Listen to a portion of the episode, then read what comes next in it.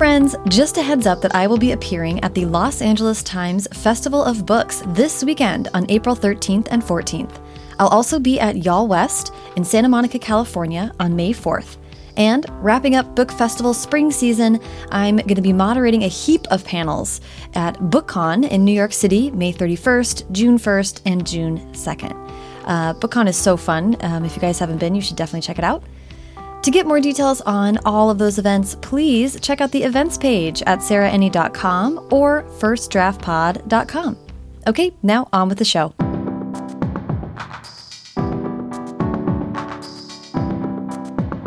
Welcome to First Draft with me, Sarah Enni. Today, I'm talking to Alfred Gough and Miles Millar, the TV and screenwriting duo behind Smallville, The Shannara Chronicles, and Into the Badlands, among many other things.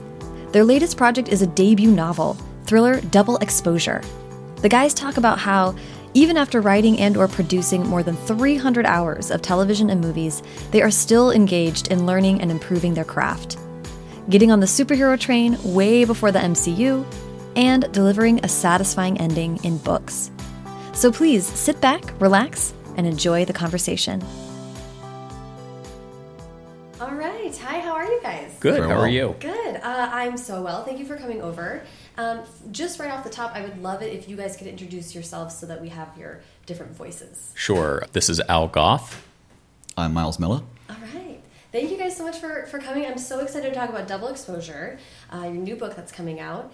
We are going to build to that, however. Uh, for my podcast, we like to go right back to the very beginning, uh, which is where were you born and raised? Wow. Al, okay. I'll Yeah. with. We're going way back to the beginning. Uh, I was born in Towson, Maryland, okay. and I grew up in Southern Maryland, in a very sort of idyllic sort of country. You know, everybody left their doors open. Okay. Yeah. Okay, great. Yeah. Uh, and how about you, Mel? I grew up in Sydney, Australia, Okay. and then when I was 10, we moved to London, England. So I, I really grew up in England, then went to boarding school, and then went to university in England, and then moved to America eventually. okay. Wow, he just skipped right through it. I did. It really, he's like, yeah, he's like snapping boom, boom, boom. I, I want to. I asked all my guests about how reading and writing was a part of their lives growing up, and especially for you guys, it seems like a lot of your work is about genre stuff and to some extent some comic book stuff. So it seems like you may have had similar things that you were really getting into as young readers. Well, it's it's interesting. When I was a kid, I read a lot of like Hardy Boys and Nancy mm. Drew, and I, you know, they used to have these books about like, you know, the founding fathers, but before they were famous. You know what I yeah, mean? They were like the like prequels is like you know how the George who was George Washington before he was George Washington, mm-hmm. and that kind of book. Origin stories. Origin stories. That's yeah, very suitable. yeah, very Yes, suitable. that- Yeah. that- exactly. That fits. yeah. So, I mean, that's really what I remember reading, you know, really in elementary school and things. But like weirdly, that. neither of us were big comic book guys. No. I never, I never read a comics when I was a kid. That's My brother did, so I thought I avoided it. I think because he was such into comic books and genre and graphic novels, and I was like, no, that's not my thing. So it's Okay. very interesting that we then we became very interested in comic book characters rather than actual comics themselves.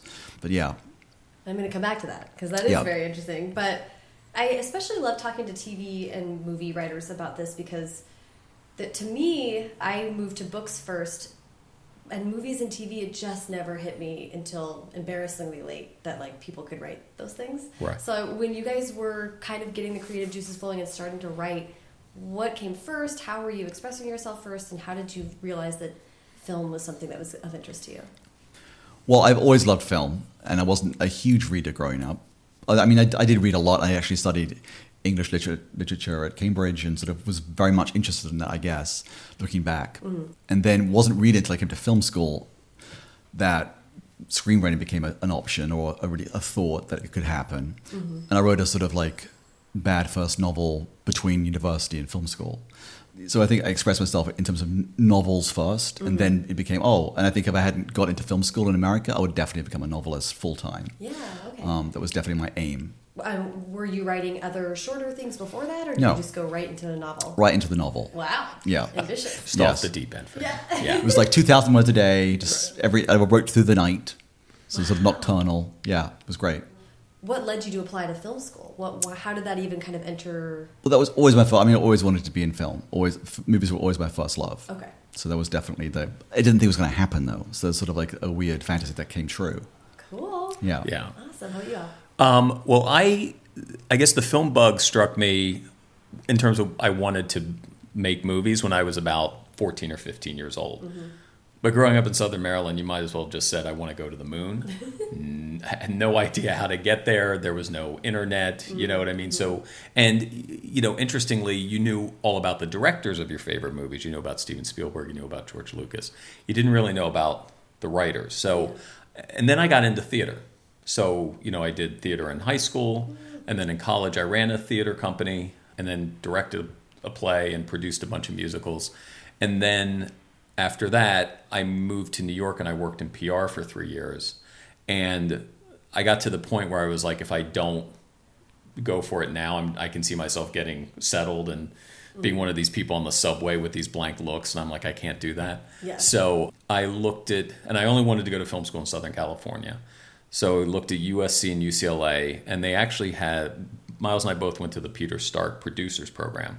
So when I looked at that, I was like, oh, it's sort of a well-rounded, interesting way to immerse yourself. It's like a in mixed the- bag. in It the- had, it had a bit of everything: writing, producing, producing, directing, development, development, yeah, Wow. So- budgeting. yeah, so it was it was actually a very practical course, and they took 25 people a mm-hmm. year, and so I applied and got in, and you know, my father co-signed a car loan. I bought a car, moved across country, and and you know came here. But so for me, it was really, you know, it was it started in theater, mm-hmm. and then moved to theater just because you could do it. Right. You know what I mean? And this was, and I was also like the the the AV nerd in high school, since I was literally the only one who knew how to use the video camera. So I would film all the basketball games Oh, and all yeah. the other stuff, and then I would use that to make like little films. Mm-hmm. But then you had the editing problem of going from you know Oh, yeah. deck to so it was always I the technical stuff was I was always a little flummoxed by. So I think I gravitated more towards theater. Yeah. And then when we were in film school, we took this great development class taught by a producer named Laura Ziskin, who has since unfortunately passed away. But she produced, ironically enough, the Spider Man movies. But before that, she had done No Way Out and Pretty Woman. So we would go to her office over at the Sony lot. And the first, I think the first day we were there, she was said, Name your top 10 films, name who directed them, name who wrote them hmm.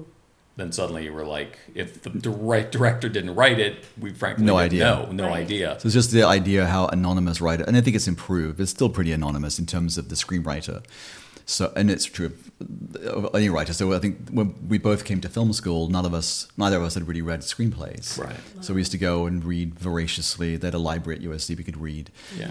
which is a form of is an art form of writing in itself, and Mm-hmm. it's certainly one that is crafted and it takes a lot of skill and practice and reading and doing to get good at. Right. Um, It's very specific. It's very it is very specific, yeah. I do feel like that is a very typical Los Angeles story is that someone shows up and then for a year there, whatever job they are in is reading like 1,000 screenplays. Absolutely. Yeah. And I think that's, I mean, that, that's always a, a thousand screenplays is what you need to read, at least. Yeah.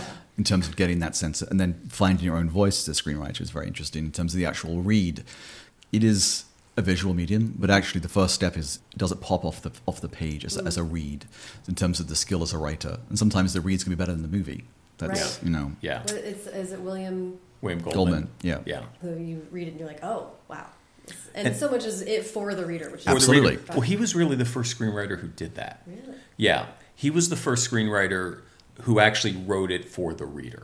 And then that's something that, you know, screenwriters like Shane Black and Joe Right. Eszterhas really uh, kind of took to a new, you know, a new level. But Yeah. but that was, you know, I think because he realized this is the first person I have to get it through. So Mm-hmm. And versus it's usually some assistant who is so bored. Absolutely. And, Right. So how do you engage them on the page and, and make them want to turn and, and keep them, Yeah. you know, intrigued and excited? That's I don't want to I don't want to spend the whole time talking about film school, but Yeah. it is so interesting to me that it was this unique program. Yes. Um, I guess I had I wasn't aware that there were separate programs for like a production and then just the traditional screenwriting program. Well, this and this was in grad school. So there was a there's a production program, there's a writers program, mm-hmm. there's a critical studies program, which is more film theory, Okay. and then there's the the producers program. But ironically, in our in the Peter Stark program, it produced more writers than the writing program. Yeah. So we had quite a few people in our class who became like John August, who's the celebrated writer. He became he was, an, he was a classmate of ours. So it's Yeah. it's interesting how you get that sense. And I think for us, it was all just an introduction to the business and realizing that writing was the a really great way to break in. It requires no money. If you want to be a director, you got to get film and actors and mm-hmm. budgets and everything else, cameras, equipment. Whereas a writer, we could sit at you know Coco's or you know Sizzler and write screenplay. You know, yeah. So that was what we sort of did. I spent the nights at Del Taco, which is like with ninety nine cent tacos. You know, as the, as the right your script to smell like exactly Little, yeah, yeah, little greasy. Part of the reason why this is so interesting to me also is it seems like you're well served as a writer to have a sense of what it's going to go through. Like what you go, what you, what do you have on the page? Who has to look at that and practically consider what it's going to be or what it's going to mean? And that can't not apply, I think, in some ways to novels, almost because you can break those rules because Right. the book only has to be a book, but also. I think you, you have to build the whole set in the world in a reader's mind. So it seems like you guys were kind of prepped on all sides for that. No, exactly. And I think what you learn as a writer, you know, there's the line, you know, it may play on the page and not play on the stage, and mm. and you you become, I think, better at helping to realize, you know, what it's going to actually look like when it's mm. on its feet. And it also, and especially television, it beats the preciousness out of you. So, you know, that that's the thing that you learn, and that you're, you know, you got to come up with the next idea if that's mm. not going to work. So, it, I think it teaches you to, you know, sort of be facile that way, which is good. Yeah. It's just again, it's a sheer volume as a writer you, you do in, in television or film. I mean, Yeah. we produced over 300 hours of television. So in terms of all those scenes that we've written and scenes we've seen don't work, what Yeah. does work, Right. sit in the editing rooms. It's just really it. it, it again, it's the more you do it, the better you get, and that has allowed us really to become better writers. And it's still an evolving process, obviously, and we still constantly educate ourselves, read, watch podcasts, listen to podcasts. Mm-hmm. So it's very much an ongoing process, which is it's like acting. I mean, the Yeah. best actors we know we've worked with, they still go to classes. They mm. still are all about the craft and about learning more about it, and also it's self discovery. Yeah. So those things, and how do you how do you keep on getting better? Yeah. Mm-hmm. Because it is that you can never get to these. It's unreachable that goal of of oh wow this is perfect done it's the worst part and the best part about Yeah. the, being a writer, right? Is there is never a perfect right now thing. So you can always be spinning your wheels. Yes. Yeah, exactly. I want to hear about how you guys decided or discovered that you worked well together, and then kind of how you approached life after film school. Well, we met, I think, probably the second day of film school, and we just hit it off. So we always say we were friends first. We've been writing together now for 25 years. And then we had a screenwriting class where you had to write the first act of a screenplay and then Just the first 30 the pages. First 30 pages. Okay. And so we partnered up, mm-hmm. and you know, I wrote mine, Miles wrote his. Miles's idea was way more commercial. well it was cheesy we'll tell you about it in a second but yeah but but so we ended up selling that script. So we sold it as a spec while we were still in film school. So it was our very first screenplay, which Yeah. is which is fantastic because we didn't have to become assistants or Yeah. work at Starbucks Yeah. or we could actually become full time writers. So it Yeah. allowed us that freedom, but we didn't know what the hell we were doing because Yeah. it was our first script. Yeah. So Is that Mango? Is that Yes. what I was Mango, reading yeah. about? Okay, Yes. could you please describe it because this is great to read about. Yes. so Mango is a story. It's a buddy cop. Sounds uh, better when an English yeah. person with an English accent describes it. It's a buddy cop movie, and it's about a cop who's a complete slob animal who teams up with an orangutan who's a complete gentleman and super smart. So Who, the, who witnessed a murder? yeah. Oh, okay. So it's sort of like Turner and Hooch. Um, Every which way but with loose. loose. So it has like a lot of like it was obviously broadly comedic and funny, but also had lots of heart. And the serendipity of the business is we went out with that script in terms of trying to sell it the week after Ace Ventura, Pet Detective opened. So suddenly Yeah. like pet movies were in or animal movies were in. And so it was a hot property. Yeah. And so we sold it for, and at that point as well, the business was different and scripts were selling every day for lots of money. Yeah. So it was just incredible timing for us. Um, and but it, it allowed us. We didn't we didn't know what we were doing. Yeah. It allowed us the next three years to sit down every day from nine to five and, and write.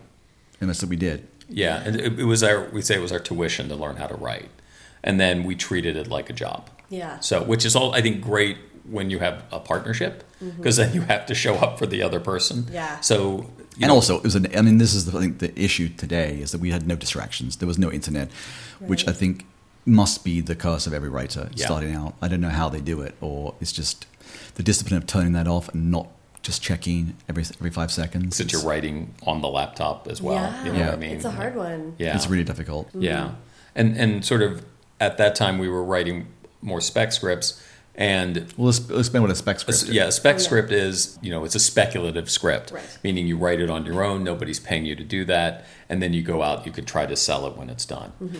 and basically we would set a goal of writing five pages a day. So that was our goal as we were writing. And we'd work seven days a week. Yeah, Wow. Yeah. Okay. Because we were young and single. Yeah, and, would say for those three years when you were getting your No, no, we did that for 13 years. Yeah. Oh wow. Yeah. okay. Yeah. Wow. Even when we weren't so young and we're not single anymore, but our, our wives were very forgiving. Yeah. So well, it's kind of neat too. And, and John August, uh, I think on script notes, he talks about three pages a day is his thing, right? Right. Or, Right. or something. And he, he has like 10 jobs. So I'm sure he squeezes that in there somehow. But that feels so like you, and you said 2,000 words a day for your novel. Right. I love having those things. 2,000 words a day is my thing also. I'm like, Yes. I know that I'm actually like doing things well and I'm going to good rhythm when I can reach that goal. Um, but yeah, pages are so much more fun in screenplays. Yeah. yeah. kind of build to that and it looks really nice. So i would love to hear about so uh, i do want to touch on smallville because i know everybody knows smallville and is, is excited about it. For two guys that were not big comic book people how did this idea come about? And also it's not a, a film. It's a t- you you had some films made but then smallville came along and was a tv show. What happened is so during this period after we sold Mango, we sold another spec, but we weren't really getting any writing jobs. Mm-hmm. So we actually got hired by Carnival Films in London because they were doing a series, an action adventure series called Bugs, and they couldn't find writers over there who could write it. So they they liked the fact that Miles was British and I was American. So that was the first TV things we did. We did two episodes of that series, and this was in the in the mid '90s. Okay. And we were at a small agency at the time, and then we moved to William Morris. Mm-hmm. And when they did, they put a TV agent in the meeting, and we told her we'd done this TV, and then she suggested that we try to, you know, get on staff of a television show, mm-hmm. because once you do that, you could then go and create your shows. This mm-hmm. this is again in the in the in the old world, you know.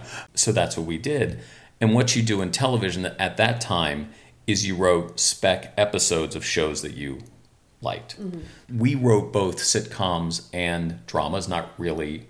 We didn't actually understand that, that there was a real church and state between sitcom writing and, and one hour drama writing. Mm-hmm. So we wrote a bunch. There was a, a spec of a show called Homicide, mm-hmm. which was on NBC in the in the late '90s, and then on the comedy side, we wrote a spec Third Rock from the Sun and everybody you know liked both so we went into nbc and they literally had both and go what do you want to do and we ended up doing drama because it, to us it was closer to screenwriting It had more flexibility. It had more Because screen- if you're on a sitcom, it's much more. You have to be in the room a lot longer in terms of they do read-throughs and they're up until you know, like three in the morning doing like revisions, and it's like we, it didn't allow us the flexibility to continue being screenwriters and Writers, writing yeah. movies. Got Yeah. because we always wanted to have this dual career of TV and film. That So- was our goal. so that's really what happened we we had a dual career and then we got staffed on a on a few shows and then we Just to earn our stripes. Yeah.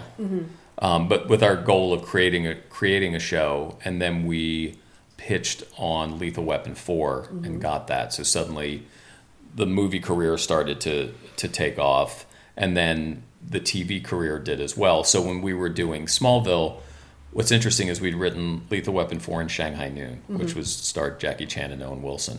So we were actually known more as buddy comedy guys. right And the story we like to tell is there's an executive at the at the WB at the time who's a good friend of ours, who the year before we sold Smallville went, we don't really think you're like WB kind of writers because you do these sort of older muscular male things.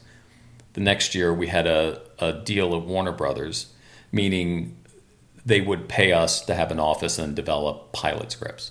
And uh, they came to us and said, we want to do uh, Superman in high school which we thought was a great idea, but we didn't want to do Superboy. So we we wanted to do sort of a teen drama with this kid who grows up to be Superman. So we had our mantra of no flights and no tights. And I always tell people you have to remember this is before the Marvel universe. The last iteration of Superman had been Lois and Clark, Mm-hmm. and the last iteration of Batman had been Batman and Robin. So nobody was looking for superheroes. Literally, there was, everyone was like, you, "You're crazy to do this." Yeah. Right. Yeah. It was, it was. Our friends thought we were nuts. Yeah. It's like, That's why so would you do that so cheesy? and the only movie we we pitched the show, meaning that we went out to networks, and you have to basically do a, a floor show Right. and and sell the show, explain to them what it's going to be, who the characters are, where the show is going, Mm-hmm. in the fall of 2000. And the only movie that was similar that had just come out was the first X Men movie Oh yeah. Yeah. you know, which, which had a more of a grounded tone, you know, fun Mm-hmm. Excellent but grounded. Yeah. excellent actors. Yeah. So that was we said we want it to be like this. Mm-hmm. So we sold it to the to the WB, and then you know did the pilot, Mm-hmm. and it came on the air in October of 2001. And what was interesting is that it was it came on a month after 9/11. So before 9/11, even the critics and stuff were like, you know, what's a superhero show? It, it felt sort of light and fluffy to them. They hadn't seen the pilot, and then after it was sort of America needs a hero. It, there's an Americana, mm-hmm. so it and it was and like I said, we treated it very seriously. We mm-hmm. took something that people thought at the time was very you know disposable, but mm-hmm. made it you know a character, a teen drama.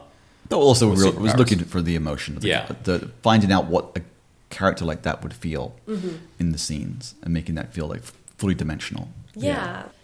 It sounds like timing is like Oh, yeah. kind of uh, Oh, yeah. been, a, been a play with you guys in your career that's so interesting. But also timing like that was right before Christopher Nolan came in and Absolutely. took Oh, a yeah. very serious approach to Batman and all that. And what's interesting now is it's, it's heading the other direction. Right. People, are, the, the critics are obsessed with these being light and, and self-referential and fun, and which I think is great. Yeah. but it's it's it, it's sort of going full circle back to Lois and Clark or Batman, and that's what they seem the critics seem to be obsessed with.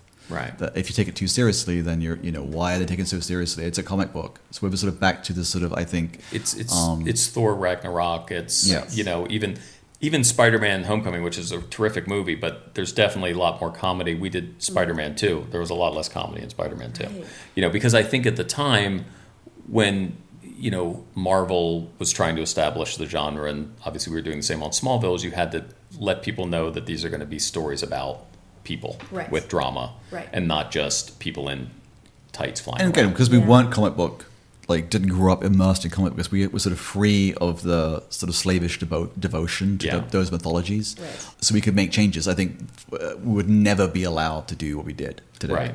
It's that it, there's so you know, there's an army of executives who who you know guard the DC universe, and I think Mm-hmm. we could just we made up all sorts of things, the meteor shower and Lex Luthor being in Smallville and all this, and him having a father, which would never be allowed today. Yeah, Right. and and it was interesting because at the time, DC Comics was run by this amazing woman named Jenette Kahn, and Jenette is this, you know, she lives in Manhattan, but she loves comic books and samurai movies, but has an art collection. So she was just a very eclectic person. So when we pitched her what we wanted to do, she kind of she totally embraced it, like, and she really. And so did the writers at DC Comics, mm-hmm. which, which was interesting. But as Miles said, it's become such a, you know, IP driven, mm-hmm. institutional, fanboy obsessed Yeah, they, thing. they have to protect it now in well, way. what they think is protecting it, Right. you know. Right. I think Yeah. you're only protected by allow, allowing it to expand. Mm-hmm. yeah, If it's, Yes. if it's just re- the regurgitation of what's already been written, then it feels like it's redundant to me. yeah, Yeah. What's yeah. Which I could also talk to you guys about forever because I have feelings about superhero movies. But but the other thing is a lot a lot of um, I write young adult books and a lot of the people that listen to the show are, are kind of focused on that Right. age group in general. And I just 2001 was also like sort of this heyday for WB and Buffy and Yep. Dawson's Creek and all these like amazing shows that sort of really dominated teen stories for a long time. I'd love to just hear about, and, and like you said, muscular adult kind of action movies you guys were doing beforehand. What was it like to be in the teen sphere? And I don't know, what do you think about those kinds of stories and that age range for stories? we were fans of the WB before we were on the, the WB, Mm-hmm. so we we watched those shows. But what's interesting with Smallville is, you know, we also wanted that show to be multi generational, Mm-hmm. and at the time, like on Buffy, the grown ups were non-existent Yeah. except for Giles. Yeah. And on Dawson's Creek, the grown-ups were all idiots and the kids were super smart. Mm-hmm. Yeah. So we wanted to have a more realistic, you know, parent Also, a wish child of, a sort of wish fulfillment that Yeah. a relationship with a a kid who actually talks to the to his parents, Right. Yeah. and actually that the parents are supportive and are interested. Mm-hmm. So it wasn't this sort of like us and them. It was actually a real family, which is uh, something that kids could look at and be aspirational. Like, oh, that's an idealized family. And I actually think many families are like that. That the, the, the parents want to be involved and the kids want advice from their parents. So in that way, it was real, more realistic than most shows. Right. But we've always been uh, attracted to YA. I mean, we did this book adaptation, uh, I'm Number Four. Yes. And that was how we met James Frey, who was very involved in Double Exposure. Yeah. Um, but it was it was our first book adaptation actually. It was such a fun thing to do. Yeah. And it was very early on in the the galley process. We read the the galleys and it was we really liked it. But then we had some significant issues as well and spoke to James about it and the writer went back and, and changed it based on that discussion. Yeah. Interesting. Okay. So it was because it was so early that was the publisher said, okay, well let's make let's make it more like the movie in terms of you were kind of able to collaborate. Yeah. Collaborate. so it was a great collaboration. Yeah. Yeah. Cool. Yeah. Yeah, that was uh that. There was a couple that I looked at. and was like, ooh, oh, and a Hannah Montana movie. I mean, Yes. yes.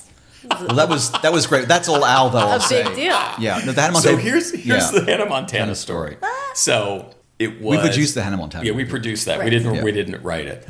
It was like Christmas of 2006 and was on vacation and my oldest daughter was 6 years old. And the stomach flu kind of went through all of us. So we were sitting in bed in the hotel and she was watching Disney Channel. She was watching the show Hannah Montana. And I was like, what is Billy Ray Cyrus doing on the Disney Channel? But this girl is really talented. So we ended up watching all the episodes. So, cut to six months later, we had a producing deal at Disney where we would develop films or they would give us scripts to get notes on, mm-hmm. that kind of thing. And we were talking with one of the executives who covered us about a project. And then he just mentioned, oh, we're making High School Musical 3 as a feature, and we're also going to do the Hannah Montana movie. And I said, Hannah Montana, I've seen every episode of that show. She's really talented. And he literally goes, You've seen every episode? And he goes, Yes. He goes, Would you like to produce the movie? I was like, Is the movie greenlit? And he said, Yes. And I said, Absolutely. then It doesn't, yeah, it doesn't always work that way. yeah, Uh, yeah. It rarely, if ever, works that way. That but an amazing yeah. story. Yeah. So uh, because at the time, like I said, my I was watching a lot of the Disney Channel. So Yeah. and then we we met over there with Gary Marsh, who who runs the channel, and I think they liked the fact that we actually had one foot in the television world and one foot in the feature world. Mm-hmm. So they felt like the TV people didn't feel like they were going to get left behind in Mm-hmm. the process. So that's how that came together, and it was actually an incredibly fun movie to make. It was fun It was, it was great. Yeah. We got to spend a summer in Nashville and Yeah. had a It was, great ma- it was actually a magical. I'd never Yeah. been to Nashville, but it's really, it was a beautiful Yeah. spring summer, and also because we had Miley was like si- fifteen or something, we couldn't shoot long hours. Oh right. Yeah. right. So we couldn't shoot at night except for a couple of days. Yeah. So it was really completely civilized. It was totally civilized. It was like a seven to seven thing. You had your weekends free. What a dream. Yeah, it was great. And um, you know, the movie I think is a really it's like a great old-fashioned Disney movie with really good songs, and we had incredible. You know, we did the climb, which became a classic song in that, Yeah. and picking the songs was also fun for us. Yes. Um, but yeah, it was great. Really good experience. Yeah. Yeah, that's so fun. Yeah. I'm interested in getting to into the Badlands just because it's so interesting to me to think about the genre blending that you guys seem to have really been drawn to in your career, and then how that launches into double exposure. So lead me to to getting to into the Badlands. Well, Into the Badlands is a, a show that we created. It was, was in 2013, and at the time we had just we'd come off of Smallville, mm-hmm. so Smallville was over, and we were sort of on the hunt for what we were going to do next in television. And you knew you wanted to to get back to TV. At that point, we did. We'd taken a couple years off. We'd worked on some movies. And we should say that in TV, as writers in TV have a lot more control and power. Yeah. So as showrunners, you basically are the director. You control the visuals. You di- mm-hmm. dictate the costume design, the production design. You hire the directors. You have final cut. So it's like it's really is a great realm for writers. I mean, that's mm-hmm. why I think we've always sort of we've loved dipping our toe into features, and features are becoming less important in the business, and, mm-hmm. and TV is becoming really Yeah. very much dominant with Netflix and Amazon and Apple. So the practicality and the reality of the business is TV, and we mm-hmm. love it. and it, and it was you know at a point where it was starting to evolve. It, I mean, it's amazing how television's changed in the last five So six years. Oh, yeah. and we wanted to do a show, you know, that was interesting and kind of out of the box. And martial arts is another thing that's always been sort of part of our careers. We've mm-hmm. somehow, and if your listeners could see us, they would be like, "Wow, these guys." Okay. By the way, neither of us have ever done a single lesson of karate or No. judo or, or taekwondo. Nothing. Yeah. We know absolutely nothing about. We literally work with every single major Martial martial, arts artist star. star in the world. Yeah, from Jet Li to Jackie Chan to Donnie Yen to Michelle Yeoh. So we had this, you know, we had done a lot of these movies, Lethal Weapon 4, Shanghai Noon, the third Mummy movie. So we had a knowledge of how, like, if you want to do Hong Kong style martial arts, how it would work. Mm-hmm. And we wanted to sort of integrate that into an American drama. So, how do you mm-hmm. take these two things that we liked mm-hmm. and then throw in kind of fantasy and a little steampunk? So it was a mashup of all the things we liked. Yeah. And, um, and the goal was also to we wanted to do something that's purely original. Yes. That wasn't based on anything else. No IP. Wasn't a book. Wasn't a comic. Wasn't an old movie. It was ours. So Yeah. that was sort of the goal uh, as well. Yeah. Yeah, which is really cool and also difficult. It Yeah. was so difficult. So difficult. Yeah. How did you and, and just uh, just because this is a recent thing you've done, it's so cool, Right. And, and and unusual now to be able to build your whole world. It's a very well developed world in the Right. show. So how did you break that down? What came first? How did you think about that? So what, what we wanted to do was find a way to integrate martial arts into an American drama in a way that felt that it was necessary mm-hmm. and it was integral versus you know a lot of these things like rush hour or something where it's like they kick the guns out of their hands and suddenly everybody can do kung fu which just always seemed really weird so we we wanted to set it in the future we didn't want to have sort of computers and phones and things like that Right. So yeah, analog world. yeah, an analog world. And, you know, a lot of the future in the past 30 plus years have been defined by Mad Max and Blade Runner. Mm-hmm. So, what we wanted to do was lean in more to kind of what Chinese historical epics look like, Yeah. which are, you know, Crouching Tiger, you know, House of Flying Daggers. So, these hero, these sh- things that have a lot of color to them. Yeah. And then, It's always the challenge of how do you not fall into trope, yeah. Right. which yeah. is very very difficult. And then we we like the kind of structure of sort of feudal Japan. So that was an interesting structure, but we didn't want to do a period piece, mm-hmm. or at least not a historical period piece. Mm-hmm. So we wanted we took that structure and sort of put it in the future. Societal structure, Yeah, yeah, in terms societal of like how that was. Right. organized in terms Yeah. of the different fiefdoms. Mm-hmm. Yeah. So then we put that in in the future, and then we just said it's a world where guns have been banned, so nobody had guns. Love it. Yeah. I mean that that was yeah, kind it of, sounds you know I mean, we actually went in and pitched it to AMC and they bought it in the room. So it was like it was a sort of a one stop shop, which is weird, but it, it, it worked. And then it took actually took like nine months to close the deal. And in that time, we went and wrote it on spec, mm, mm-hmm. yeah. which was which again is the power of, of the writing that because they wouldn't make the deal, we wrote it anyway, and then And then we went to them and said, "Here's the script. Mm-hmm. You have the weekend to decide, and if not, we're going to take it to FX, HBO, Netflix." Right. And they came back. Joel On Still- Monday. Yeah, on Monday, Joel Stillerman, who ran it, the network at the time, and said, "I'll give you six on the air." He goes, "Here's here's my notes on the script. If you're fine with the notes, let's proceed, and I'll and it's going to be a straight to series six on the air, which is how they've done The Walking Dead." Right. So I think what's great about that is had we shot the show just as a pilot, which is the first episode you shoot, and then traditionally they decided that's going on the air. Right. I don't think we'd be on the air because I think those six episodes and the way we we were able to shoot it, we could fix a lot of things that weren't working or things you see like, oh, that's working great. Let's do this. So so it was actually a very fluid process, but um, it allowed us to kind of you know see things that could be a problem and kind of fix them Yeah. as as you go. I think it's so interesting because I looked at your credits and was like, oh yeah, Shanghai Noon, but then like blown out, like Right. more modern and kind of with TV you get to spend more time with the kind of world building stuff, which is my favorite thing as a reader and a viewer. So Right. it was cool. Yeah, and you can also, as as what's great about television, you can it can keep expanding, and, Yeah. and also you can keep figuring it out. So it's you don't have to figure out everything, Mm-hmm. which a novel you may you may have to. I guess a single like the Hunger Games was it all Suzanne Collins was it all figured out, or did, was it each book she had more time to think about it? I think that for us has certainly been the exploration of the Badlands in terms of mm-hmm. what that what that world is and. Each season they get further into it and you understand more about it, mm-hmm. as we do as creators Yeah. as well. Yeah. And and we were able we we shot the first season of the show in New Orleans and then we moved it second season to Dublin. There were tax credits, the money went further, but also it's just an amazing place to shoot with so many different locations.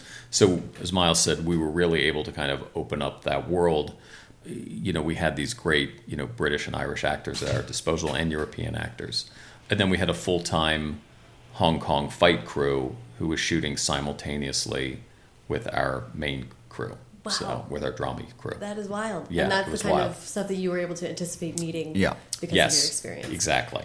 The network gave us complete freedom. So it's so it's definitely not for everybody. I mean, Yeah. it's certainly very singular in terms of what it is, and it's certainly insane that they made it. I Yeah. mean, it's crazy to think they made that show. Yeah, we, we, we're like, we can't believe they actually let us make this show. You know, I mean, it is just batshit crazy. yeah. So, but but it's great, and it'll you know, the last eight episodes start airing on on March 24th, and then it lives forever on Netflix. So it's great. Right. You know. Yeah. And we were able to tell a, of a whole story. Yeah. So so it does have an ending. That's good. Oh, that's Yeah. great. Yeah. Yeah.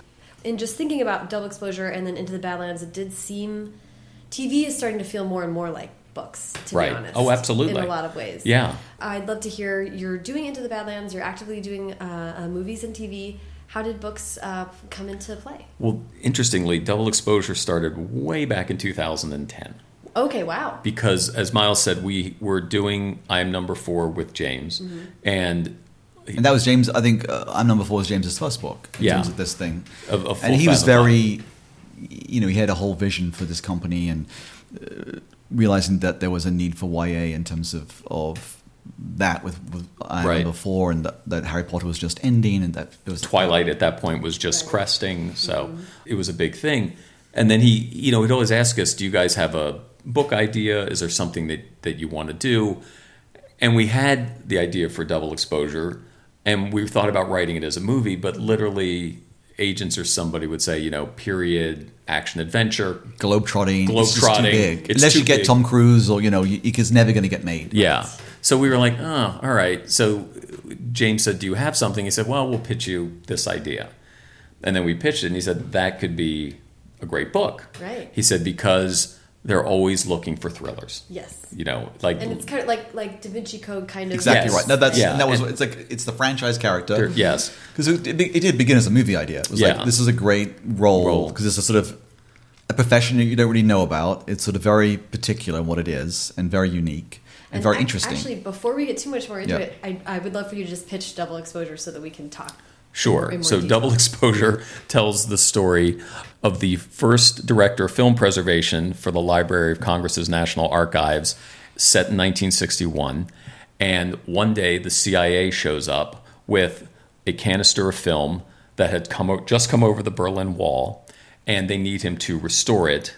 And when he does, he realizes that there's a very key event in World War II uh, that we think went down one way that didn't, and then people come after them, and that leads to a globe-trotting uh, adventure, Adventure. to kind of solve this mystery. And as Miles said, you know, we were looking for that franchise character. There's this transcript of uh, Steven Spielberg, George Lucas, and Lawrence Kasdan talking about Raiders of the Lost Ark, and we read that, and it was just sort of fascinating. I think to there's, are in a hotel room in, in Hawaii in or something. Hawaii or something. But it, but it's over the course of I think it's a couple different sessions. And I, you know I remember when Raiders of the Lost Ark came out, and I was like, "What's an archaeologist? But wow, that bullwhip's really cool, and he's mm-hmm. teaching class, and people are punching him, but he's still winning. So it was a new way. How do you approach your character, and how do you have a world or a franchise that's specific to them? And that's something I think the Da Vinci Code. I have no idea what a symbologist was or what Robert Langdon did, but and I am not a fast reader at all. And I read that book in like two days, mm-hmm. and I and I think it was that sort of propulsive storytelling mm-hmm. that really drew us because, as Miles said, we're, we're really screenwriters first and foremost. And while we didn't want to write the movie adaptation of the book as a book, Right. we definitely wanted the book to have a pace that really moved and had a lot of twists and turns. And then Yeah, I mean, Hitch, I mean, there are a lot of, there are a lot of literary references, but also a lot of movie references, sort of Hitchcock, North by Northwest. So it's certainly like those yeah, great thrillers that you know from even the '70s movies as well. you Yeah. know, Omega Man and things like that. Oh, Odessa Files. Odessa Files. one. Yeah. So it's a little John le Carre, le Carre. And again, we wanted to set it in a world where there was no technology like we have today, where everything could be solved with a Google search and you know Cell phone. cell phone look Right. up on the so we like the idea that in this world because then the world felt bigger and it mm-hmm. felt a little more romantic. Mm-hmm. And you know then he was still working in film which was very tactile. And probably the biggest piece of fiction is that he was the director of preservation in 1961 because that didn't actually happen until the late 80s and early 90s Really? yeah. So so the the library of congress list where they put every year didn't actually start until 1997 That is wild. yeah. So like they were not preserving films. So 90% of the films made before 1929 are gone because they were on that nitrate stock that just disappeared. And a lot of films a good portion of films made before 1950. Mm-hmm. So I remember a couple of years ago there's this program every summer called Last Remaining Seats, which you know basically is done to show old movies in those movie houses downtown as part of the whole preservation. We saw a print of A Star Is Born, the James Mason, um, Judy Garland version. There's parts of that negative that are gone where they had to fill in with stock. Wow. So It's just still it- frames. it- just still frames. Like they just it just doesn't exist. You know, and that's a huge classic film. So Right. you know, it was it was the idea that you know obviously Hollywood was a very disposable culture, and I think frankly when TV came along, they suddenly realized, ooh, we can sell these movies to another medium and make money. Mm-hmm. So it was always. They, I don't. I don't know if they just didn't think it was going to last, or nobody would care. Right. You know what I mean? And isn't that funny? Because it was like 2011 or something when they were like, "Well, we're preserving tweets now," and Right, like yeah. maybe Yeah. they were trying to learn from their mistakes. Yeah. yeah. But I'm still like, "What are you doing Exactly. with these tweets?" Yeah. so so we just you know we That's like obviously the world that we knew in terms of that character felt like we could write to that in terms of this Yes. very it's something that we love movies and was actually a great original character to propel into this adventure. and and there also was we wanted to put humor in it as well because Mm-hmm. a lot of these things frankly aren't very funny so if you look at something like north by northwest i mean Cary grant's very funny in that Mm-hmm. movie because he is a total fish out of water and we we didn't want david tolan to be like that guy where it's like what's happening so we we gave him a backstory that he fought in the korean war Mm-hmm. and you know was in special forces and did things that he wants to forget. So he sort of his life has become being in this room, just restoring movies, and you know being out of the world. And then this draws him back into it. And then in, through the course of the of the book, he has to find you know he, uh, suddenly skills that he thought he packed away start coming out again, and he doesn't know if he likes that version of himself. So, but it's finding that balance of you can't just hide away from the world, Right. You know, and then you get drawn into something that could potentially be world changing. Right. yeah. Right. Which is a very compelling personal Yeah. narrative. Exactly. Yeah, Um, how did so? So you approached James with this. yeah.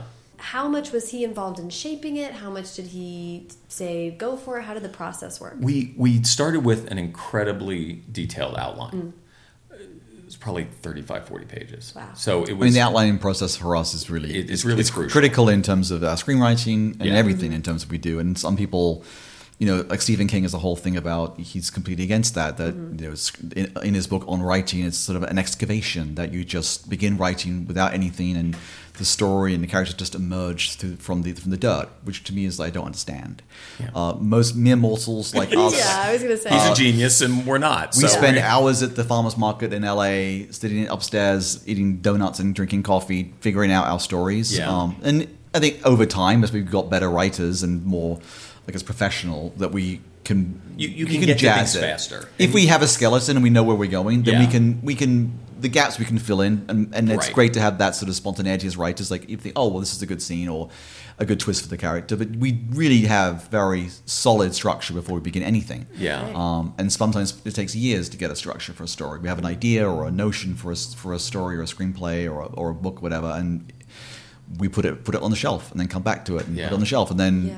It's that sense of like, oh, you finally figure out the last bit of the structure clicks into place, the last piece of the skeleton, and that gives you the freedom then to start writing. Yeah. And the writing is the fun bit. Yeah. Right. You know. That, that's where you can, if you have this, as Miles said, if you have this great roadmap, then you can go off on the side roads. Right. And that's what's interesting now. It, you know, it's so interesting because, like I said, we the book really sort of started in 2010, before streaming, before all of these things. Which Right. you know, we prob- we may have tried to pitch it as a as a long, you know, Right. it's a perfect streaming, is it, you know. yeah, is, is this 10, sort 12 of episodes. 10, 12 Exactly. episodes? But I think also our, our television um, sort of storytelling you are used to telling things sort of episodically in chapters, Mm-hmm. you know, and you know, nowadays, I mean, Into the Badlands is absolutely A chapters of a big, long arc story book. Mm-hmm. Whereas Smallville was always kind of short stories in the world. That, I mean, that's week. issues of a comic. Yeah. So that's the weekly yes. issues of, Yeah. and that's the difference really between network television, episodic television, where it's week to week contained stories, which is what they were obsessed with doing Yeah. because they could sell them overseas and you could do in syndication and you, you could just Right. you could just drop into the show and know exactly what it was. Like an episode of ER has a, has a completion in the forty minutes. Right. Right. Whereas now it's like everyone wants to binge for ten hours and just sit there for two days and just absorb everything. It's like it's like a novel. So it's just it really has been amazing for us to watch that that sea change of storytelling, and it's actually a lot more difficult to do the novelistic serialized Yeah. binge shows. It's a lot more effort in terms of the writers' room. Uh, it's a lot. It was a lot easier to do Smallville than it is Into the Badlands Yeah. Right. because you need to th- really figure out those because it's more character driven, a lot more rewarding as well. Right. I want to just go through all of the production and how the book came about and working with James and stuff, and then I want to come back and ask really specific, like day in day out, how writing Great. works for you guys. But so James is like, yes, this idea is great. It would be a great book. Yeah, and th- so the, the, plan, the plan was write 100 pages, have the rest of the outline, we'll go try to sell it as a movie. Mm-hmm. So we did that, didn't sell, put it on. And it didn't sell for because it's we we knew because we wanted the screenplay. It's too big. Yeah. It's a global this global adventure story. It's Yeah. period. It's so it's period. super expensive. It's a- period. Right. In various so he's not just doing a period in America. It's like all over the world. All over the world. So it's just it just the costs escalate. And then it's like, oh well, let's finish the book. And obviously we were doing we were doing another TV show, this adaptation of Terry Brooks's The Shannara Chronicles. the Chronicles Shannara Chronicles, yeah. Right, right, uh, in New Zealand, and that was a world-building show with elves and craziness, and that was in New Zealand shooting, and then we had Into the Badlands in Ireland shooting. So we, we were very was on different sides of the world doing these two huge shows. So it was a lot of time in terms of just sitting down and doing this and getting the story uh, beaten out. Yeah. But James, James is a warrior. James Yeah. is like is such energy Yeah. that he was always the champion. He's, he's like yeah, and he's like a coach, and Hmm. he knew what he was doing. Yeah, which is neat to think like because uh, because this was the first time that you guys would try to write a book together, right? yeah, Okay. Yeah, but Um, we've been writing together for so long, like Right. like we knew we knew how to do that. Yes, yes, which is good. Yeah. But then also prose is just kind of wild, you know. Right. And all these like uh, demands that are so unusual, and books look different. You know, there's a lot of Yeah, and the process afterwards is different in terms of the editorial thing and the notes and all those sort of things are different. Mm-hmm. And that's in New York, and we're here, so that's that was interesting as well, just in terms of getting the communication. And then yeah, so it's been that, that's been a, a real eye opener for us in terms of that process mm-hmm. because we're used to sort of the Hollywood way, and and you know it's it's a a screenplay is 120 pages or less than that. Yeah. So this is a much bigger prospect in terms of making changes and all those sort of things. Yes, it does take a long time to reread your book. Yes. a bunch. and the of times. proofing process is like so extensive oh God, and yeah. you know it's, it's it has to be it's i mean, I always imagine how many mistakes we make just on a screenplay on the first five pages and then you've got a huge book amazing, it's amazing how many books you read and they're, they're actually they're perfect Mm. and, yeah, and you see you see the occasional mistake you oh how did this happen it's like Right. how did it not happen How did it not? I know that's that's what's so crazy. You know, It's true. Yeah, But it was very, you know, in terms of the, you know, even the artwork on the, the book, we had a lot of say in terms of they sent us, you know, and we had uh, definitely a strong point of view about everything they've done, and they've been incredible collaborators. Yeah. So it's been it's really been a, a really interesting experience for us. Yeah. And then we got yeah. And it's very it's funny hearing you talk about all the work that you're doing and then traveling all over the world. Like, of course, you'd want to write a book where someone's traveling all over the world and having all these adventures. Yeah. That's like very cool. But it struck me too that that going from into the Badlands and building out this in in the future, that going into the past is a whole other kind of world building. Actually, Yes. it's a world that existed, but it's it's it, yeah, and it, some of it just doesn't exist anymore. Yeah. which is kind of fascinating. Yeah. You know, and then you know, then we say it's sort of the movie version of the world That's that very doesn't much exist what it is in it terms anymore. of it's the Hollywood Right. version. It's kind of the the Hollywood Hitchcock, version. It's the Hitchcock version of that wall. Yeah. what you think it is, and it's like this is a whole trend which I think is really alarming about only writing what you know, and that only people who, could, who people can write what they know, and what they experience, which is complete anathema to what we've done, which is mm-hmm. like we know nothing about martial arts, let alone the future, or Yeah. warring tribes, or aliens, or you know Clark Kent. So it's like for us, it's always about the imagination. Yeah, right. which write is what the you most- love. the most powerful tool that you can ever have as a writer, and that the idea of being censored and not being allowed to write what you want to write is mm-hmm. really has really crept in in recent years. It's a really dangerous trend which writers should fight against. Mm-hmm. So we always go in blazing into different worlds and sort of build them through our imaginations and what we think it would be.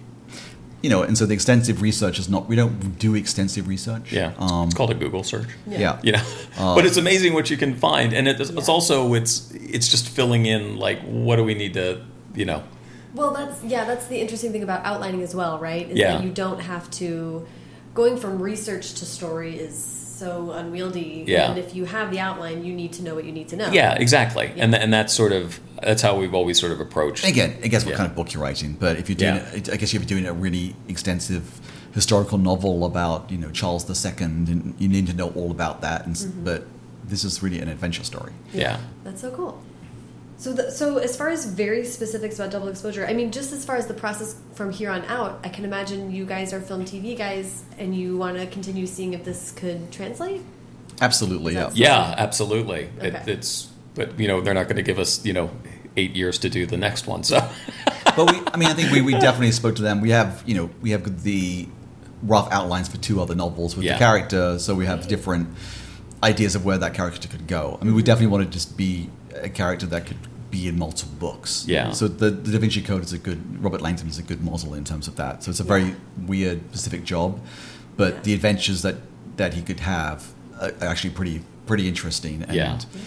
once we sat down and thought about it, it's, it's pretty, it's a pretty cool world that he lives in. yeah. Yeah. and always starting with a like a some sort of film clue that gets you into the adventure. Yeah. Yeah. That's so fun. Yeah. Yeah. Uh, and good. To, I mean, it's always nice to have the parameters, right? The, like, Yes, exactly. Fast and Furious is always going to be cars. Like, Exactly. That's right. right. It's, No, as, as exactly a starting right. point for him, it'll always be a, some sort of vintage film or you know something that a film restoration. You know, that's those. It, it really is a great discipline to say, okay, well, what are the famous films of time that mm-hmm. you could, or historical films that you could, you could. The Zapruder film was one. So you could how, but, Oh, yeah. how does Yeah. that how does that twist into something else that's Yeah. unexpected? So that was sort of like the yeah. Yeah. So I, I so I want to ask just kind of very specific process type of questions as far as building out the book, actually writing the book, working together on the book, and writing other things at the same time. So I kind of I guess maybe let's start with like what is a day to day schedule for you guys, and how do you think about different projects working together at the same time? Do you switch off? How do you balance all those things? Well, it's interesting because now this is the first time in four years when we've you know we've been in the same place for you know more than a couple weeks. So because you actually are like one of you is in New Zealand, one of you is in Yeah, Dublin. is Yeah, Yeah. and then we right? have then we have the writers' room in Los Angeles. Yes. We have our posters in Toronto. Toronto. So it's a pretty, and it was doing that for four years. So it's a, but it actually allowed us to actually, because we've got families. It sounds mm-hmm. awful, but we could actually have time as well to write. Yeah. um, Right. and it's it's sort of all encompassing doing those shows, but. Mm-hmm. This is always like a pet project of ours that was a, a great goal we wanted to accomplish in terms mm-hmm. of would it ever happen, and And so in in our you know just even as in our partnership, our writing process has sort of evolved. When we first started, we were obviously sitting in the same room at the mm-hmm. same time working, and that's how we prefer to write. Mm-hmm. But you know, once you have shows going and you have writing staffs, you know, it's Miles could be re- rewriting an episode, or mm-hmm. I could be starting one, and he could be finishing one, or and you know, television scripts are broken up into acts. So it used to be where and on you know, basic cable or network, it's where the commercial breaks are. Mm-hmm. But it's a, it's also a great way to kind of think of the story and how you want to build it. It gives it does give it a structure, mm-hmm. so you can divide up things by acts. I mean, certainly, in terms of looking at the book structure, we looked at it as a movie. Yeah. So and cliffhangers, you know, Yeah. it was mm-hmm. definitely the airport novel in terms of like it's a propulsive story that keeps you keeps moving with the twist and twist Hitchcockian twists and turns that and kind of kept the chapter short. Yeah, Yeah. short chapters that end Yeah, with the thing. Yeah. So so it was sort of just if you it, for us it was it sounds calculated and it kind of was. Yeah. I remember when we first got hired to write Lethal Weapon 4, which was our first big studio movie. And we were a little overwhelmed because we'd loved those movies in you know in college and stuff so suddenly you're writing like this big movie and you get a little vapor locked and then it was a was a Mimi Mimi Leder. Leder He's a he's a great female director. He's Yeah. a deep impact. and and she was talking about it was like she's going from ER to this huge studio movie and she goes and I just took it a scene at a time and that sort of was like that's how you have to do it Mm-hmm. and then these scenes are going to equal a sequence and this is going to be you know in television it's an act in a book it's a chapter Yeah, so so a, so a TV script's about forty scenes, Yeah. and then a, a feature's probably twice that. yeah So it's just looking at each chapter as that's that's the goal, yeah Right. Yeah, yeah, and it's yeah. not it's just, it's not being overwhelmed by the oh by, by like oh we got to write the this immensity of it. It's looking at each each step, and it's really that was a critical moment for us in terms of just taking the fear out of it because we had such mm-hmm. pressure. We were, we were writing on the TV show. Mm-hmm. We had a really sort of abusive boss who, if he if he had known we were writing this movie, would have literally like chained us to the desk. We had a huge pressure on the movie because they wanted it in like four or five weeks. And we had you know, Mel Gibson and calling us. It was it was really insane. We Yeah. were like twenty five or something. It was it was a lot of pressure. Um, and literally that really helped us. Like, okay, Yeah. just just need to get through this one scene at a time. Yeah. Mm-hmm. And it, it was a really a revelation. and, and that was really our, our approach on the book was going sort of sequence to sequence Yeah. it demystified it Yes. And then we tend to rewrite, re- rewrite ourselves. One Yeah. does one, then other rewrite, rewrites it. So Yeah. it's it's sort of very organic and um, Yeah, so, so that is that. So it was like a first draft. Obviously, you were together breaking the story for Yeah. an outline. So you Yeah, have yeah. this forty-page, uh, very clear where it goes, and then one of you sits down and does a rough draft, and the other comes in and does a revision. Is that what? Yeah, or we, or in this case, we would leapfrog a little bit. So Oh, okay. yeah, so sometimes with scripts, we will do that where like one will take a pass through it, and then somebody will, will come in and, or not somebody, but the other will come in and, and rewrite. that somebody will be yeah yeah, yeah, the other person. mysterious person. No, Yeah. so yeah, so, Yeah. so Al, will- Somebody Al will do a first will- draft, and then I'll re- re- rewrite that, and he'll take it back and rewrite that. So Oh it's, like, yes. Okay. That. So- it's a constant like Yeah. tennis match of drafts. Yeah, and then we'll get it to the get then we get the notes. We get to give it to the network or whatever to get notes. Yeah. Um, but again, if that if that outlining process is good, it shouldn't be. It should just be there should just Yeah. be some good surprises. You along the try way. to solve you try to solve all the big problems in the outline. and figure out. You know, the critical thing is figuring out the characters, the theme of the movie, the character's goal, his arc, her arc, and wh- wh- how they change over the course of this of this movie or the or the, the film. That's Right. really the and per TV episode, it's really about finding the theme of the episode that mm-hmm. can link all the characters. We like to have really strong themes that can. Like Into the Badlands was very thematic in terms of all the. If there, it's a world of different characters spread across this this, this weird world, but they're linked per episode by a theme. Mm-hmm. So it gives it a unity and a cohesion. Yeah, everything kind of plays, and then that helps when you are revising. It's like what's what's necessary to build to this. Yeah. Yeah. Okay. And then s- that's just talking sometimes to the writers or reminding ourselves if we're writing something, oh, well, what is the theme? What are we doing? And that actually helps you refocus the scene. Mm-hmm. Yeah. Mm-hmm. Yeah, there's a lot of. Um, I haven't written a, a feature script, but I've read so much about writing feature, and that just the way that screenwriters are forced to break down and be very sort of, I mean, almost militant about what needs to be in there and what doesn't. It's discipline. Ve- yeah. It's very disciplined, and that Yeah. was really, really useful just in learning a lot about structure and how, like, why does this feel unnecessary? Well, because it is. 'Cause it is, yeah. Well, that's like Tarantino was always like, just cut the last two lines of every scene. Interesting. Go through it, just cut it. Which is actually, and when you and do we've, that, and we've done that. And we were like, like, this is the one. Oh. We're like, yeah, you don't need those last two lines. it's fascinating. You're like, and if you didn't know they were, you wouldn't miss them. Isn't that you know what I mean? Yeah, and then obviously the editing process is, is you think you you cut it completely, it's completely honed, and you go to the editing room, you can cut more. yeah. Our Because- writers, our writers on our two shows often get angry at us because we just cut huge amounts of of dialogue and we change the order of the scenes, and it's just like it's that's just the organic process of that medium. Yeah. Yeah. Yeah, it's it's really neat though, and I think probably served you very well to go from that to books because when you're given the, the freedom of that many words, it can kind of Well, Yeah. I think that's I think an issue we always have with books. A lot of books have a great premise, and then they sort of meander, mm-hmm. and often they have a really bad ending. Yeah. And that is very common. Yeah. Yeah. it's really weird. No, it's, it but is. it's a real, you Yeah. know, and some really celebrated books. I was reading this thriller which has got amazing reviews, and it was like the ending was so bad. So does, the writing was great. Mm-hmm. The actual prose and the style and the intelligence of the characters was fantastic. But actually, as a whole, as a story, it just didn't didn't add up. Yeah. And you know what's funny is I have in book in book world it will happen so frequently that someone will be like, "Well, it really fell apart at the end, but it's so worth reading anyway." But it's like seventy five percent of this is going to be a great experience, and it's like you know, in no other medium do they say that. No, Right. Well, I think that's a real problem because I just don't think it's. I mean, you spend a long, you invest a lot of time reading a book, and I think you want It's like seeing a movie. If the ending sucks, then I'm Then- sorry. And that's what you think of when you're leaving. the Exactly right. So it's a funny thing that book people are just interpret it different or just have been taught to interpret it differently. I'm not sure. well, the but- I think the critics allow it. Yeah. Yeah. You know, I won't mention this book I read. It was but the re- re- reviews. You literally think it was a second coming, and it's a thriller, and that had no thrill Hmm. and no payoff. So it's like okay, Which- and, which but when they do, you know, Yeah, they're you great. think about you know, girl on a train or what. It's like it has a great, you know, a Gone Girl. You Yeah. know, it's like a really great payoff, and it Yeah. just that is what you want. It's Yeah. got to all add up. Yeah. So I, I'd actually I'd love to hear what are some of the main things that you are taking from this first experience to trying to outline the, the next two books or thinking about approaching the next two books. What are some major lessons that you're going to take going forward?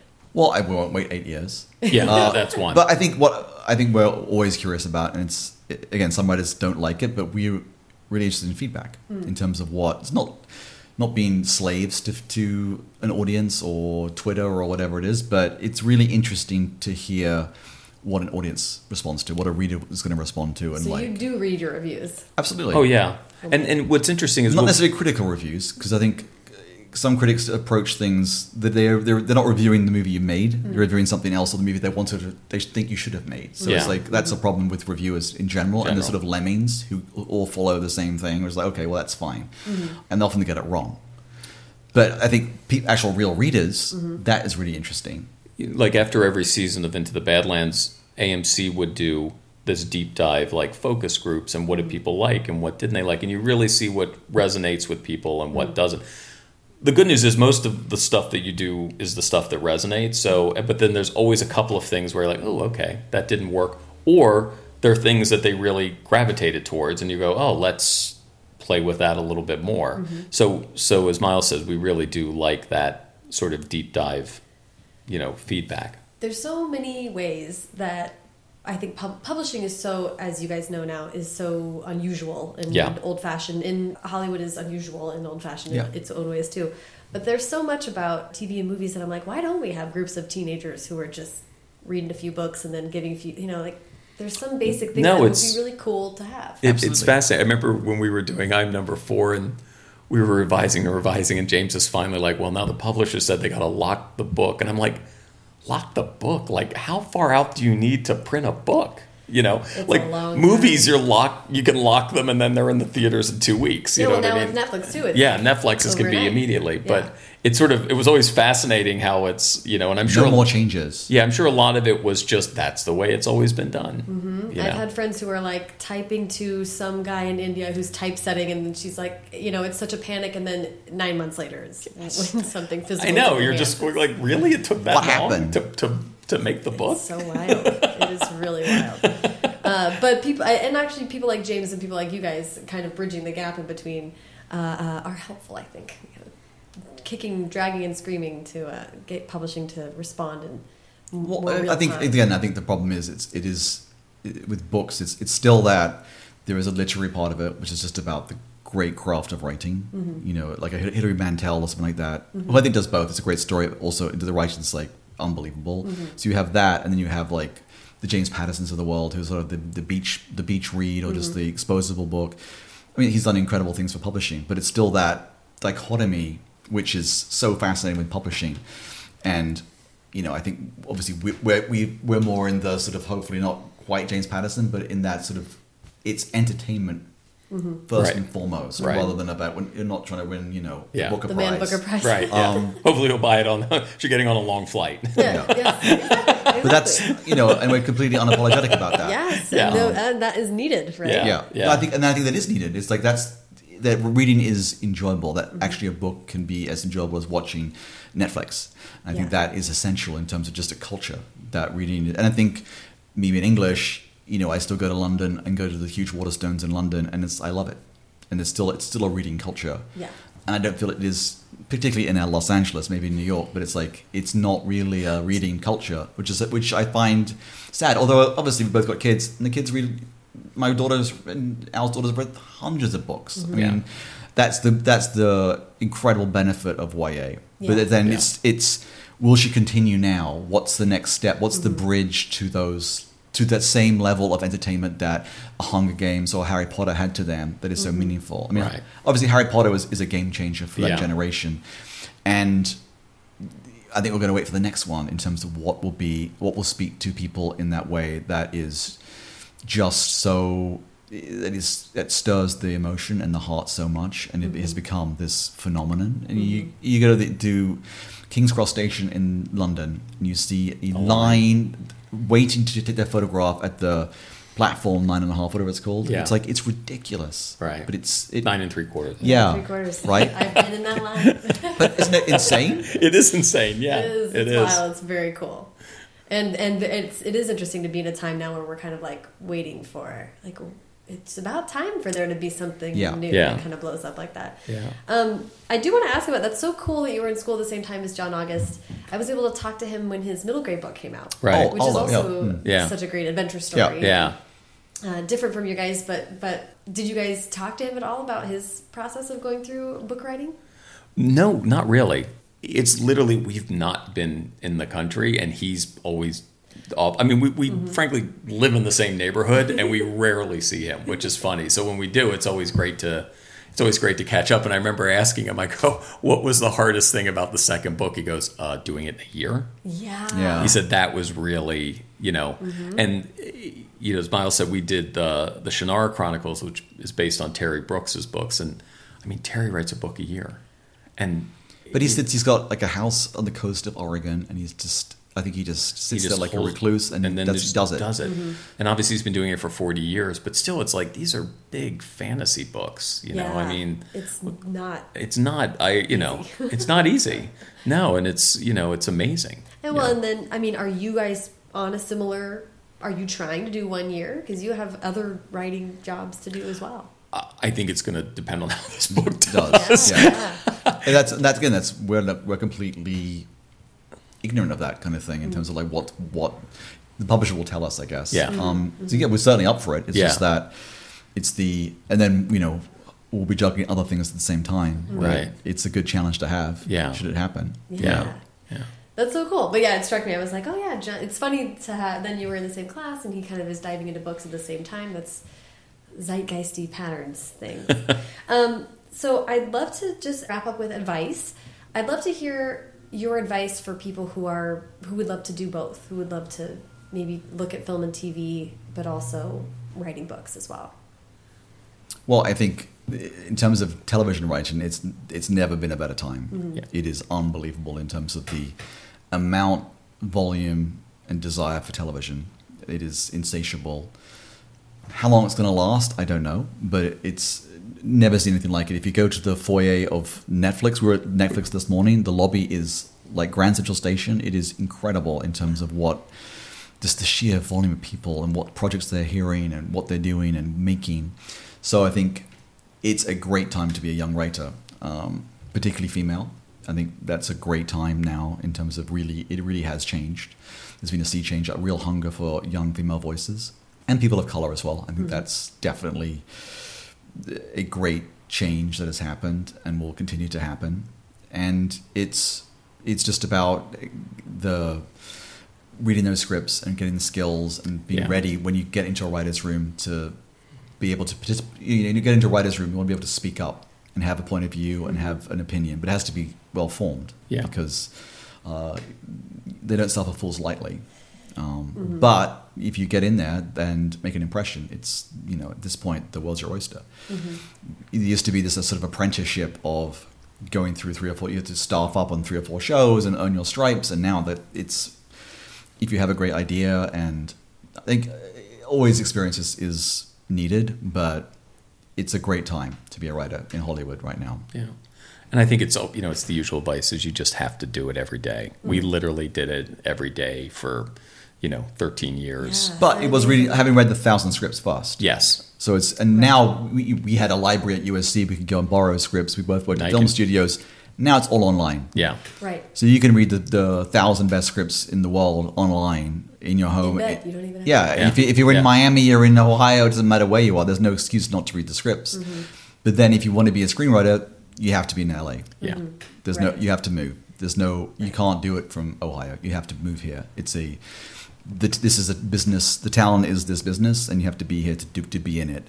So I think and hone your skills. Right. Mm-hmm. So it's just getting that ability and just as Al said, write every day, mm-hmm. keep writing, keep reading. And keep and keep rewriting.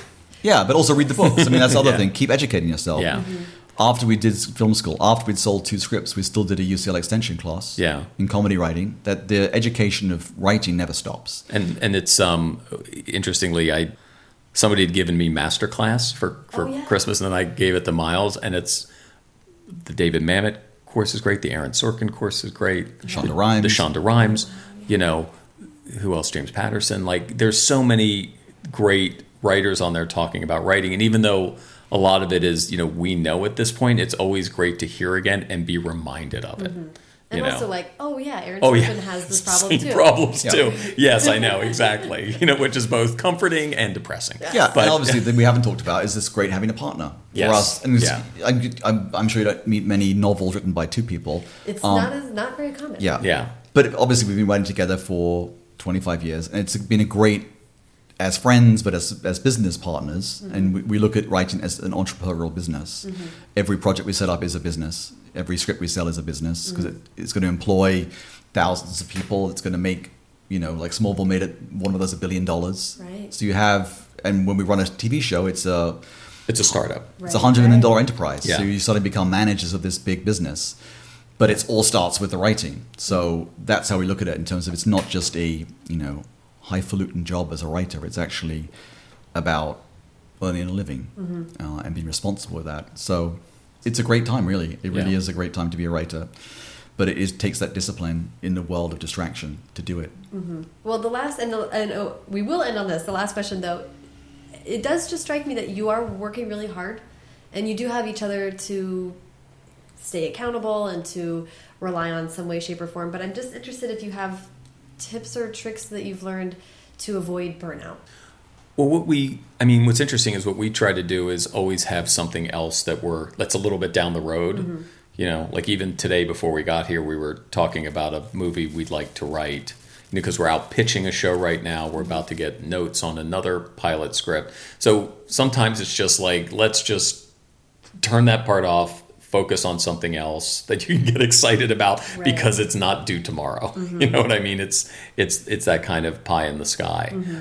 which is great. So I think for us, it's always you know being able to to do that, to think of like what's going to come next mm-hmm. or what could come next, even Right. if you sort of you know, as Miles said earlier, sometimes we'll sort of do a rough outline of something and then go, okay, great, and then put it down and then come back to it at, at another point.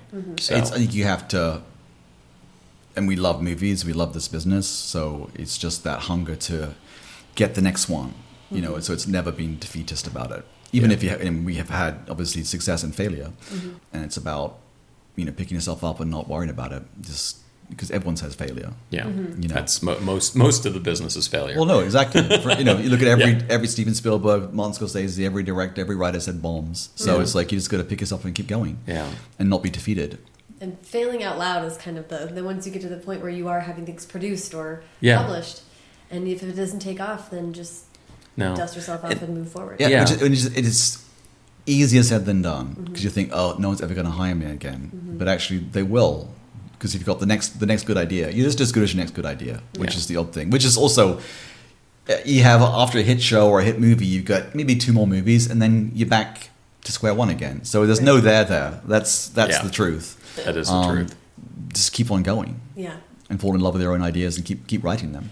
Yeah, I also I think I've, I've calmed myself down by living in the future when I'm like one day when I have my Oregon coast house and I'm writing this perfect it's like that dream will can stay alive Right, exactly. and it will never be true but I'll just keep believing it.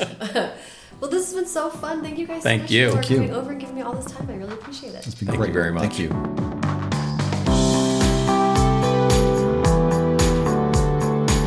Thank you so much to Al and Miles. Follow them on Twitter at Miles Millar and at The Real Al Gough, and Instagram at Miles underscore Millar and at Alfred.Gough. Follow me on both at Sarah Enni and the show at First Draft Pod. There are links to everything Al, Miles, and I talked about in this episode in the show notes, available at firstdraftpod.com. The show notes are new and improved, if I do say so myself, so you should definitely check them out. These guys referenced a ton of awesome TV and movies um, and various other things, so it's worth a look. If you enjoyed the show today, please subscribe to First Draft wherever you listen and leave a rating or review on iTunes. It really helps other people find the show, and uh, it's just one good piece of karma that you can throw into the universe today. Haley Hirschman produced this episode. The theme music is by Dan Bailey, and the logo was designed by Colin Keith. Thanks to production assistant Matthew Selznick and transcriptionist at large Julie Anderson. And as ever, thanks to you, tights and cape wearing superheroes, for listening.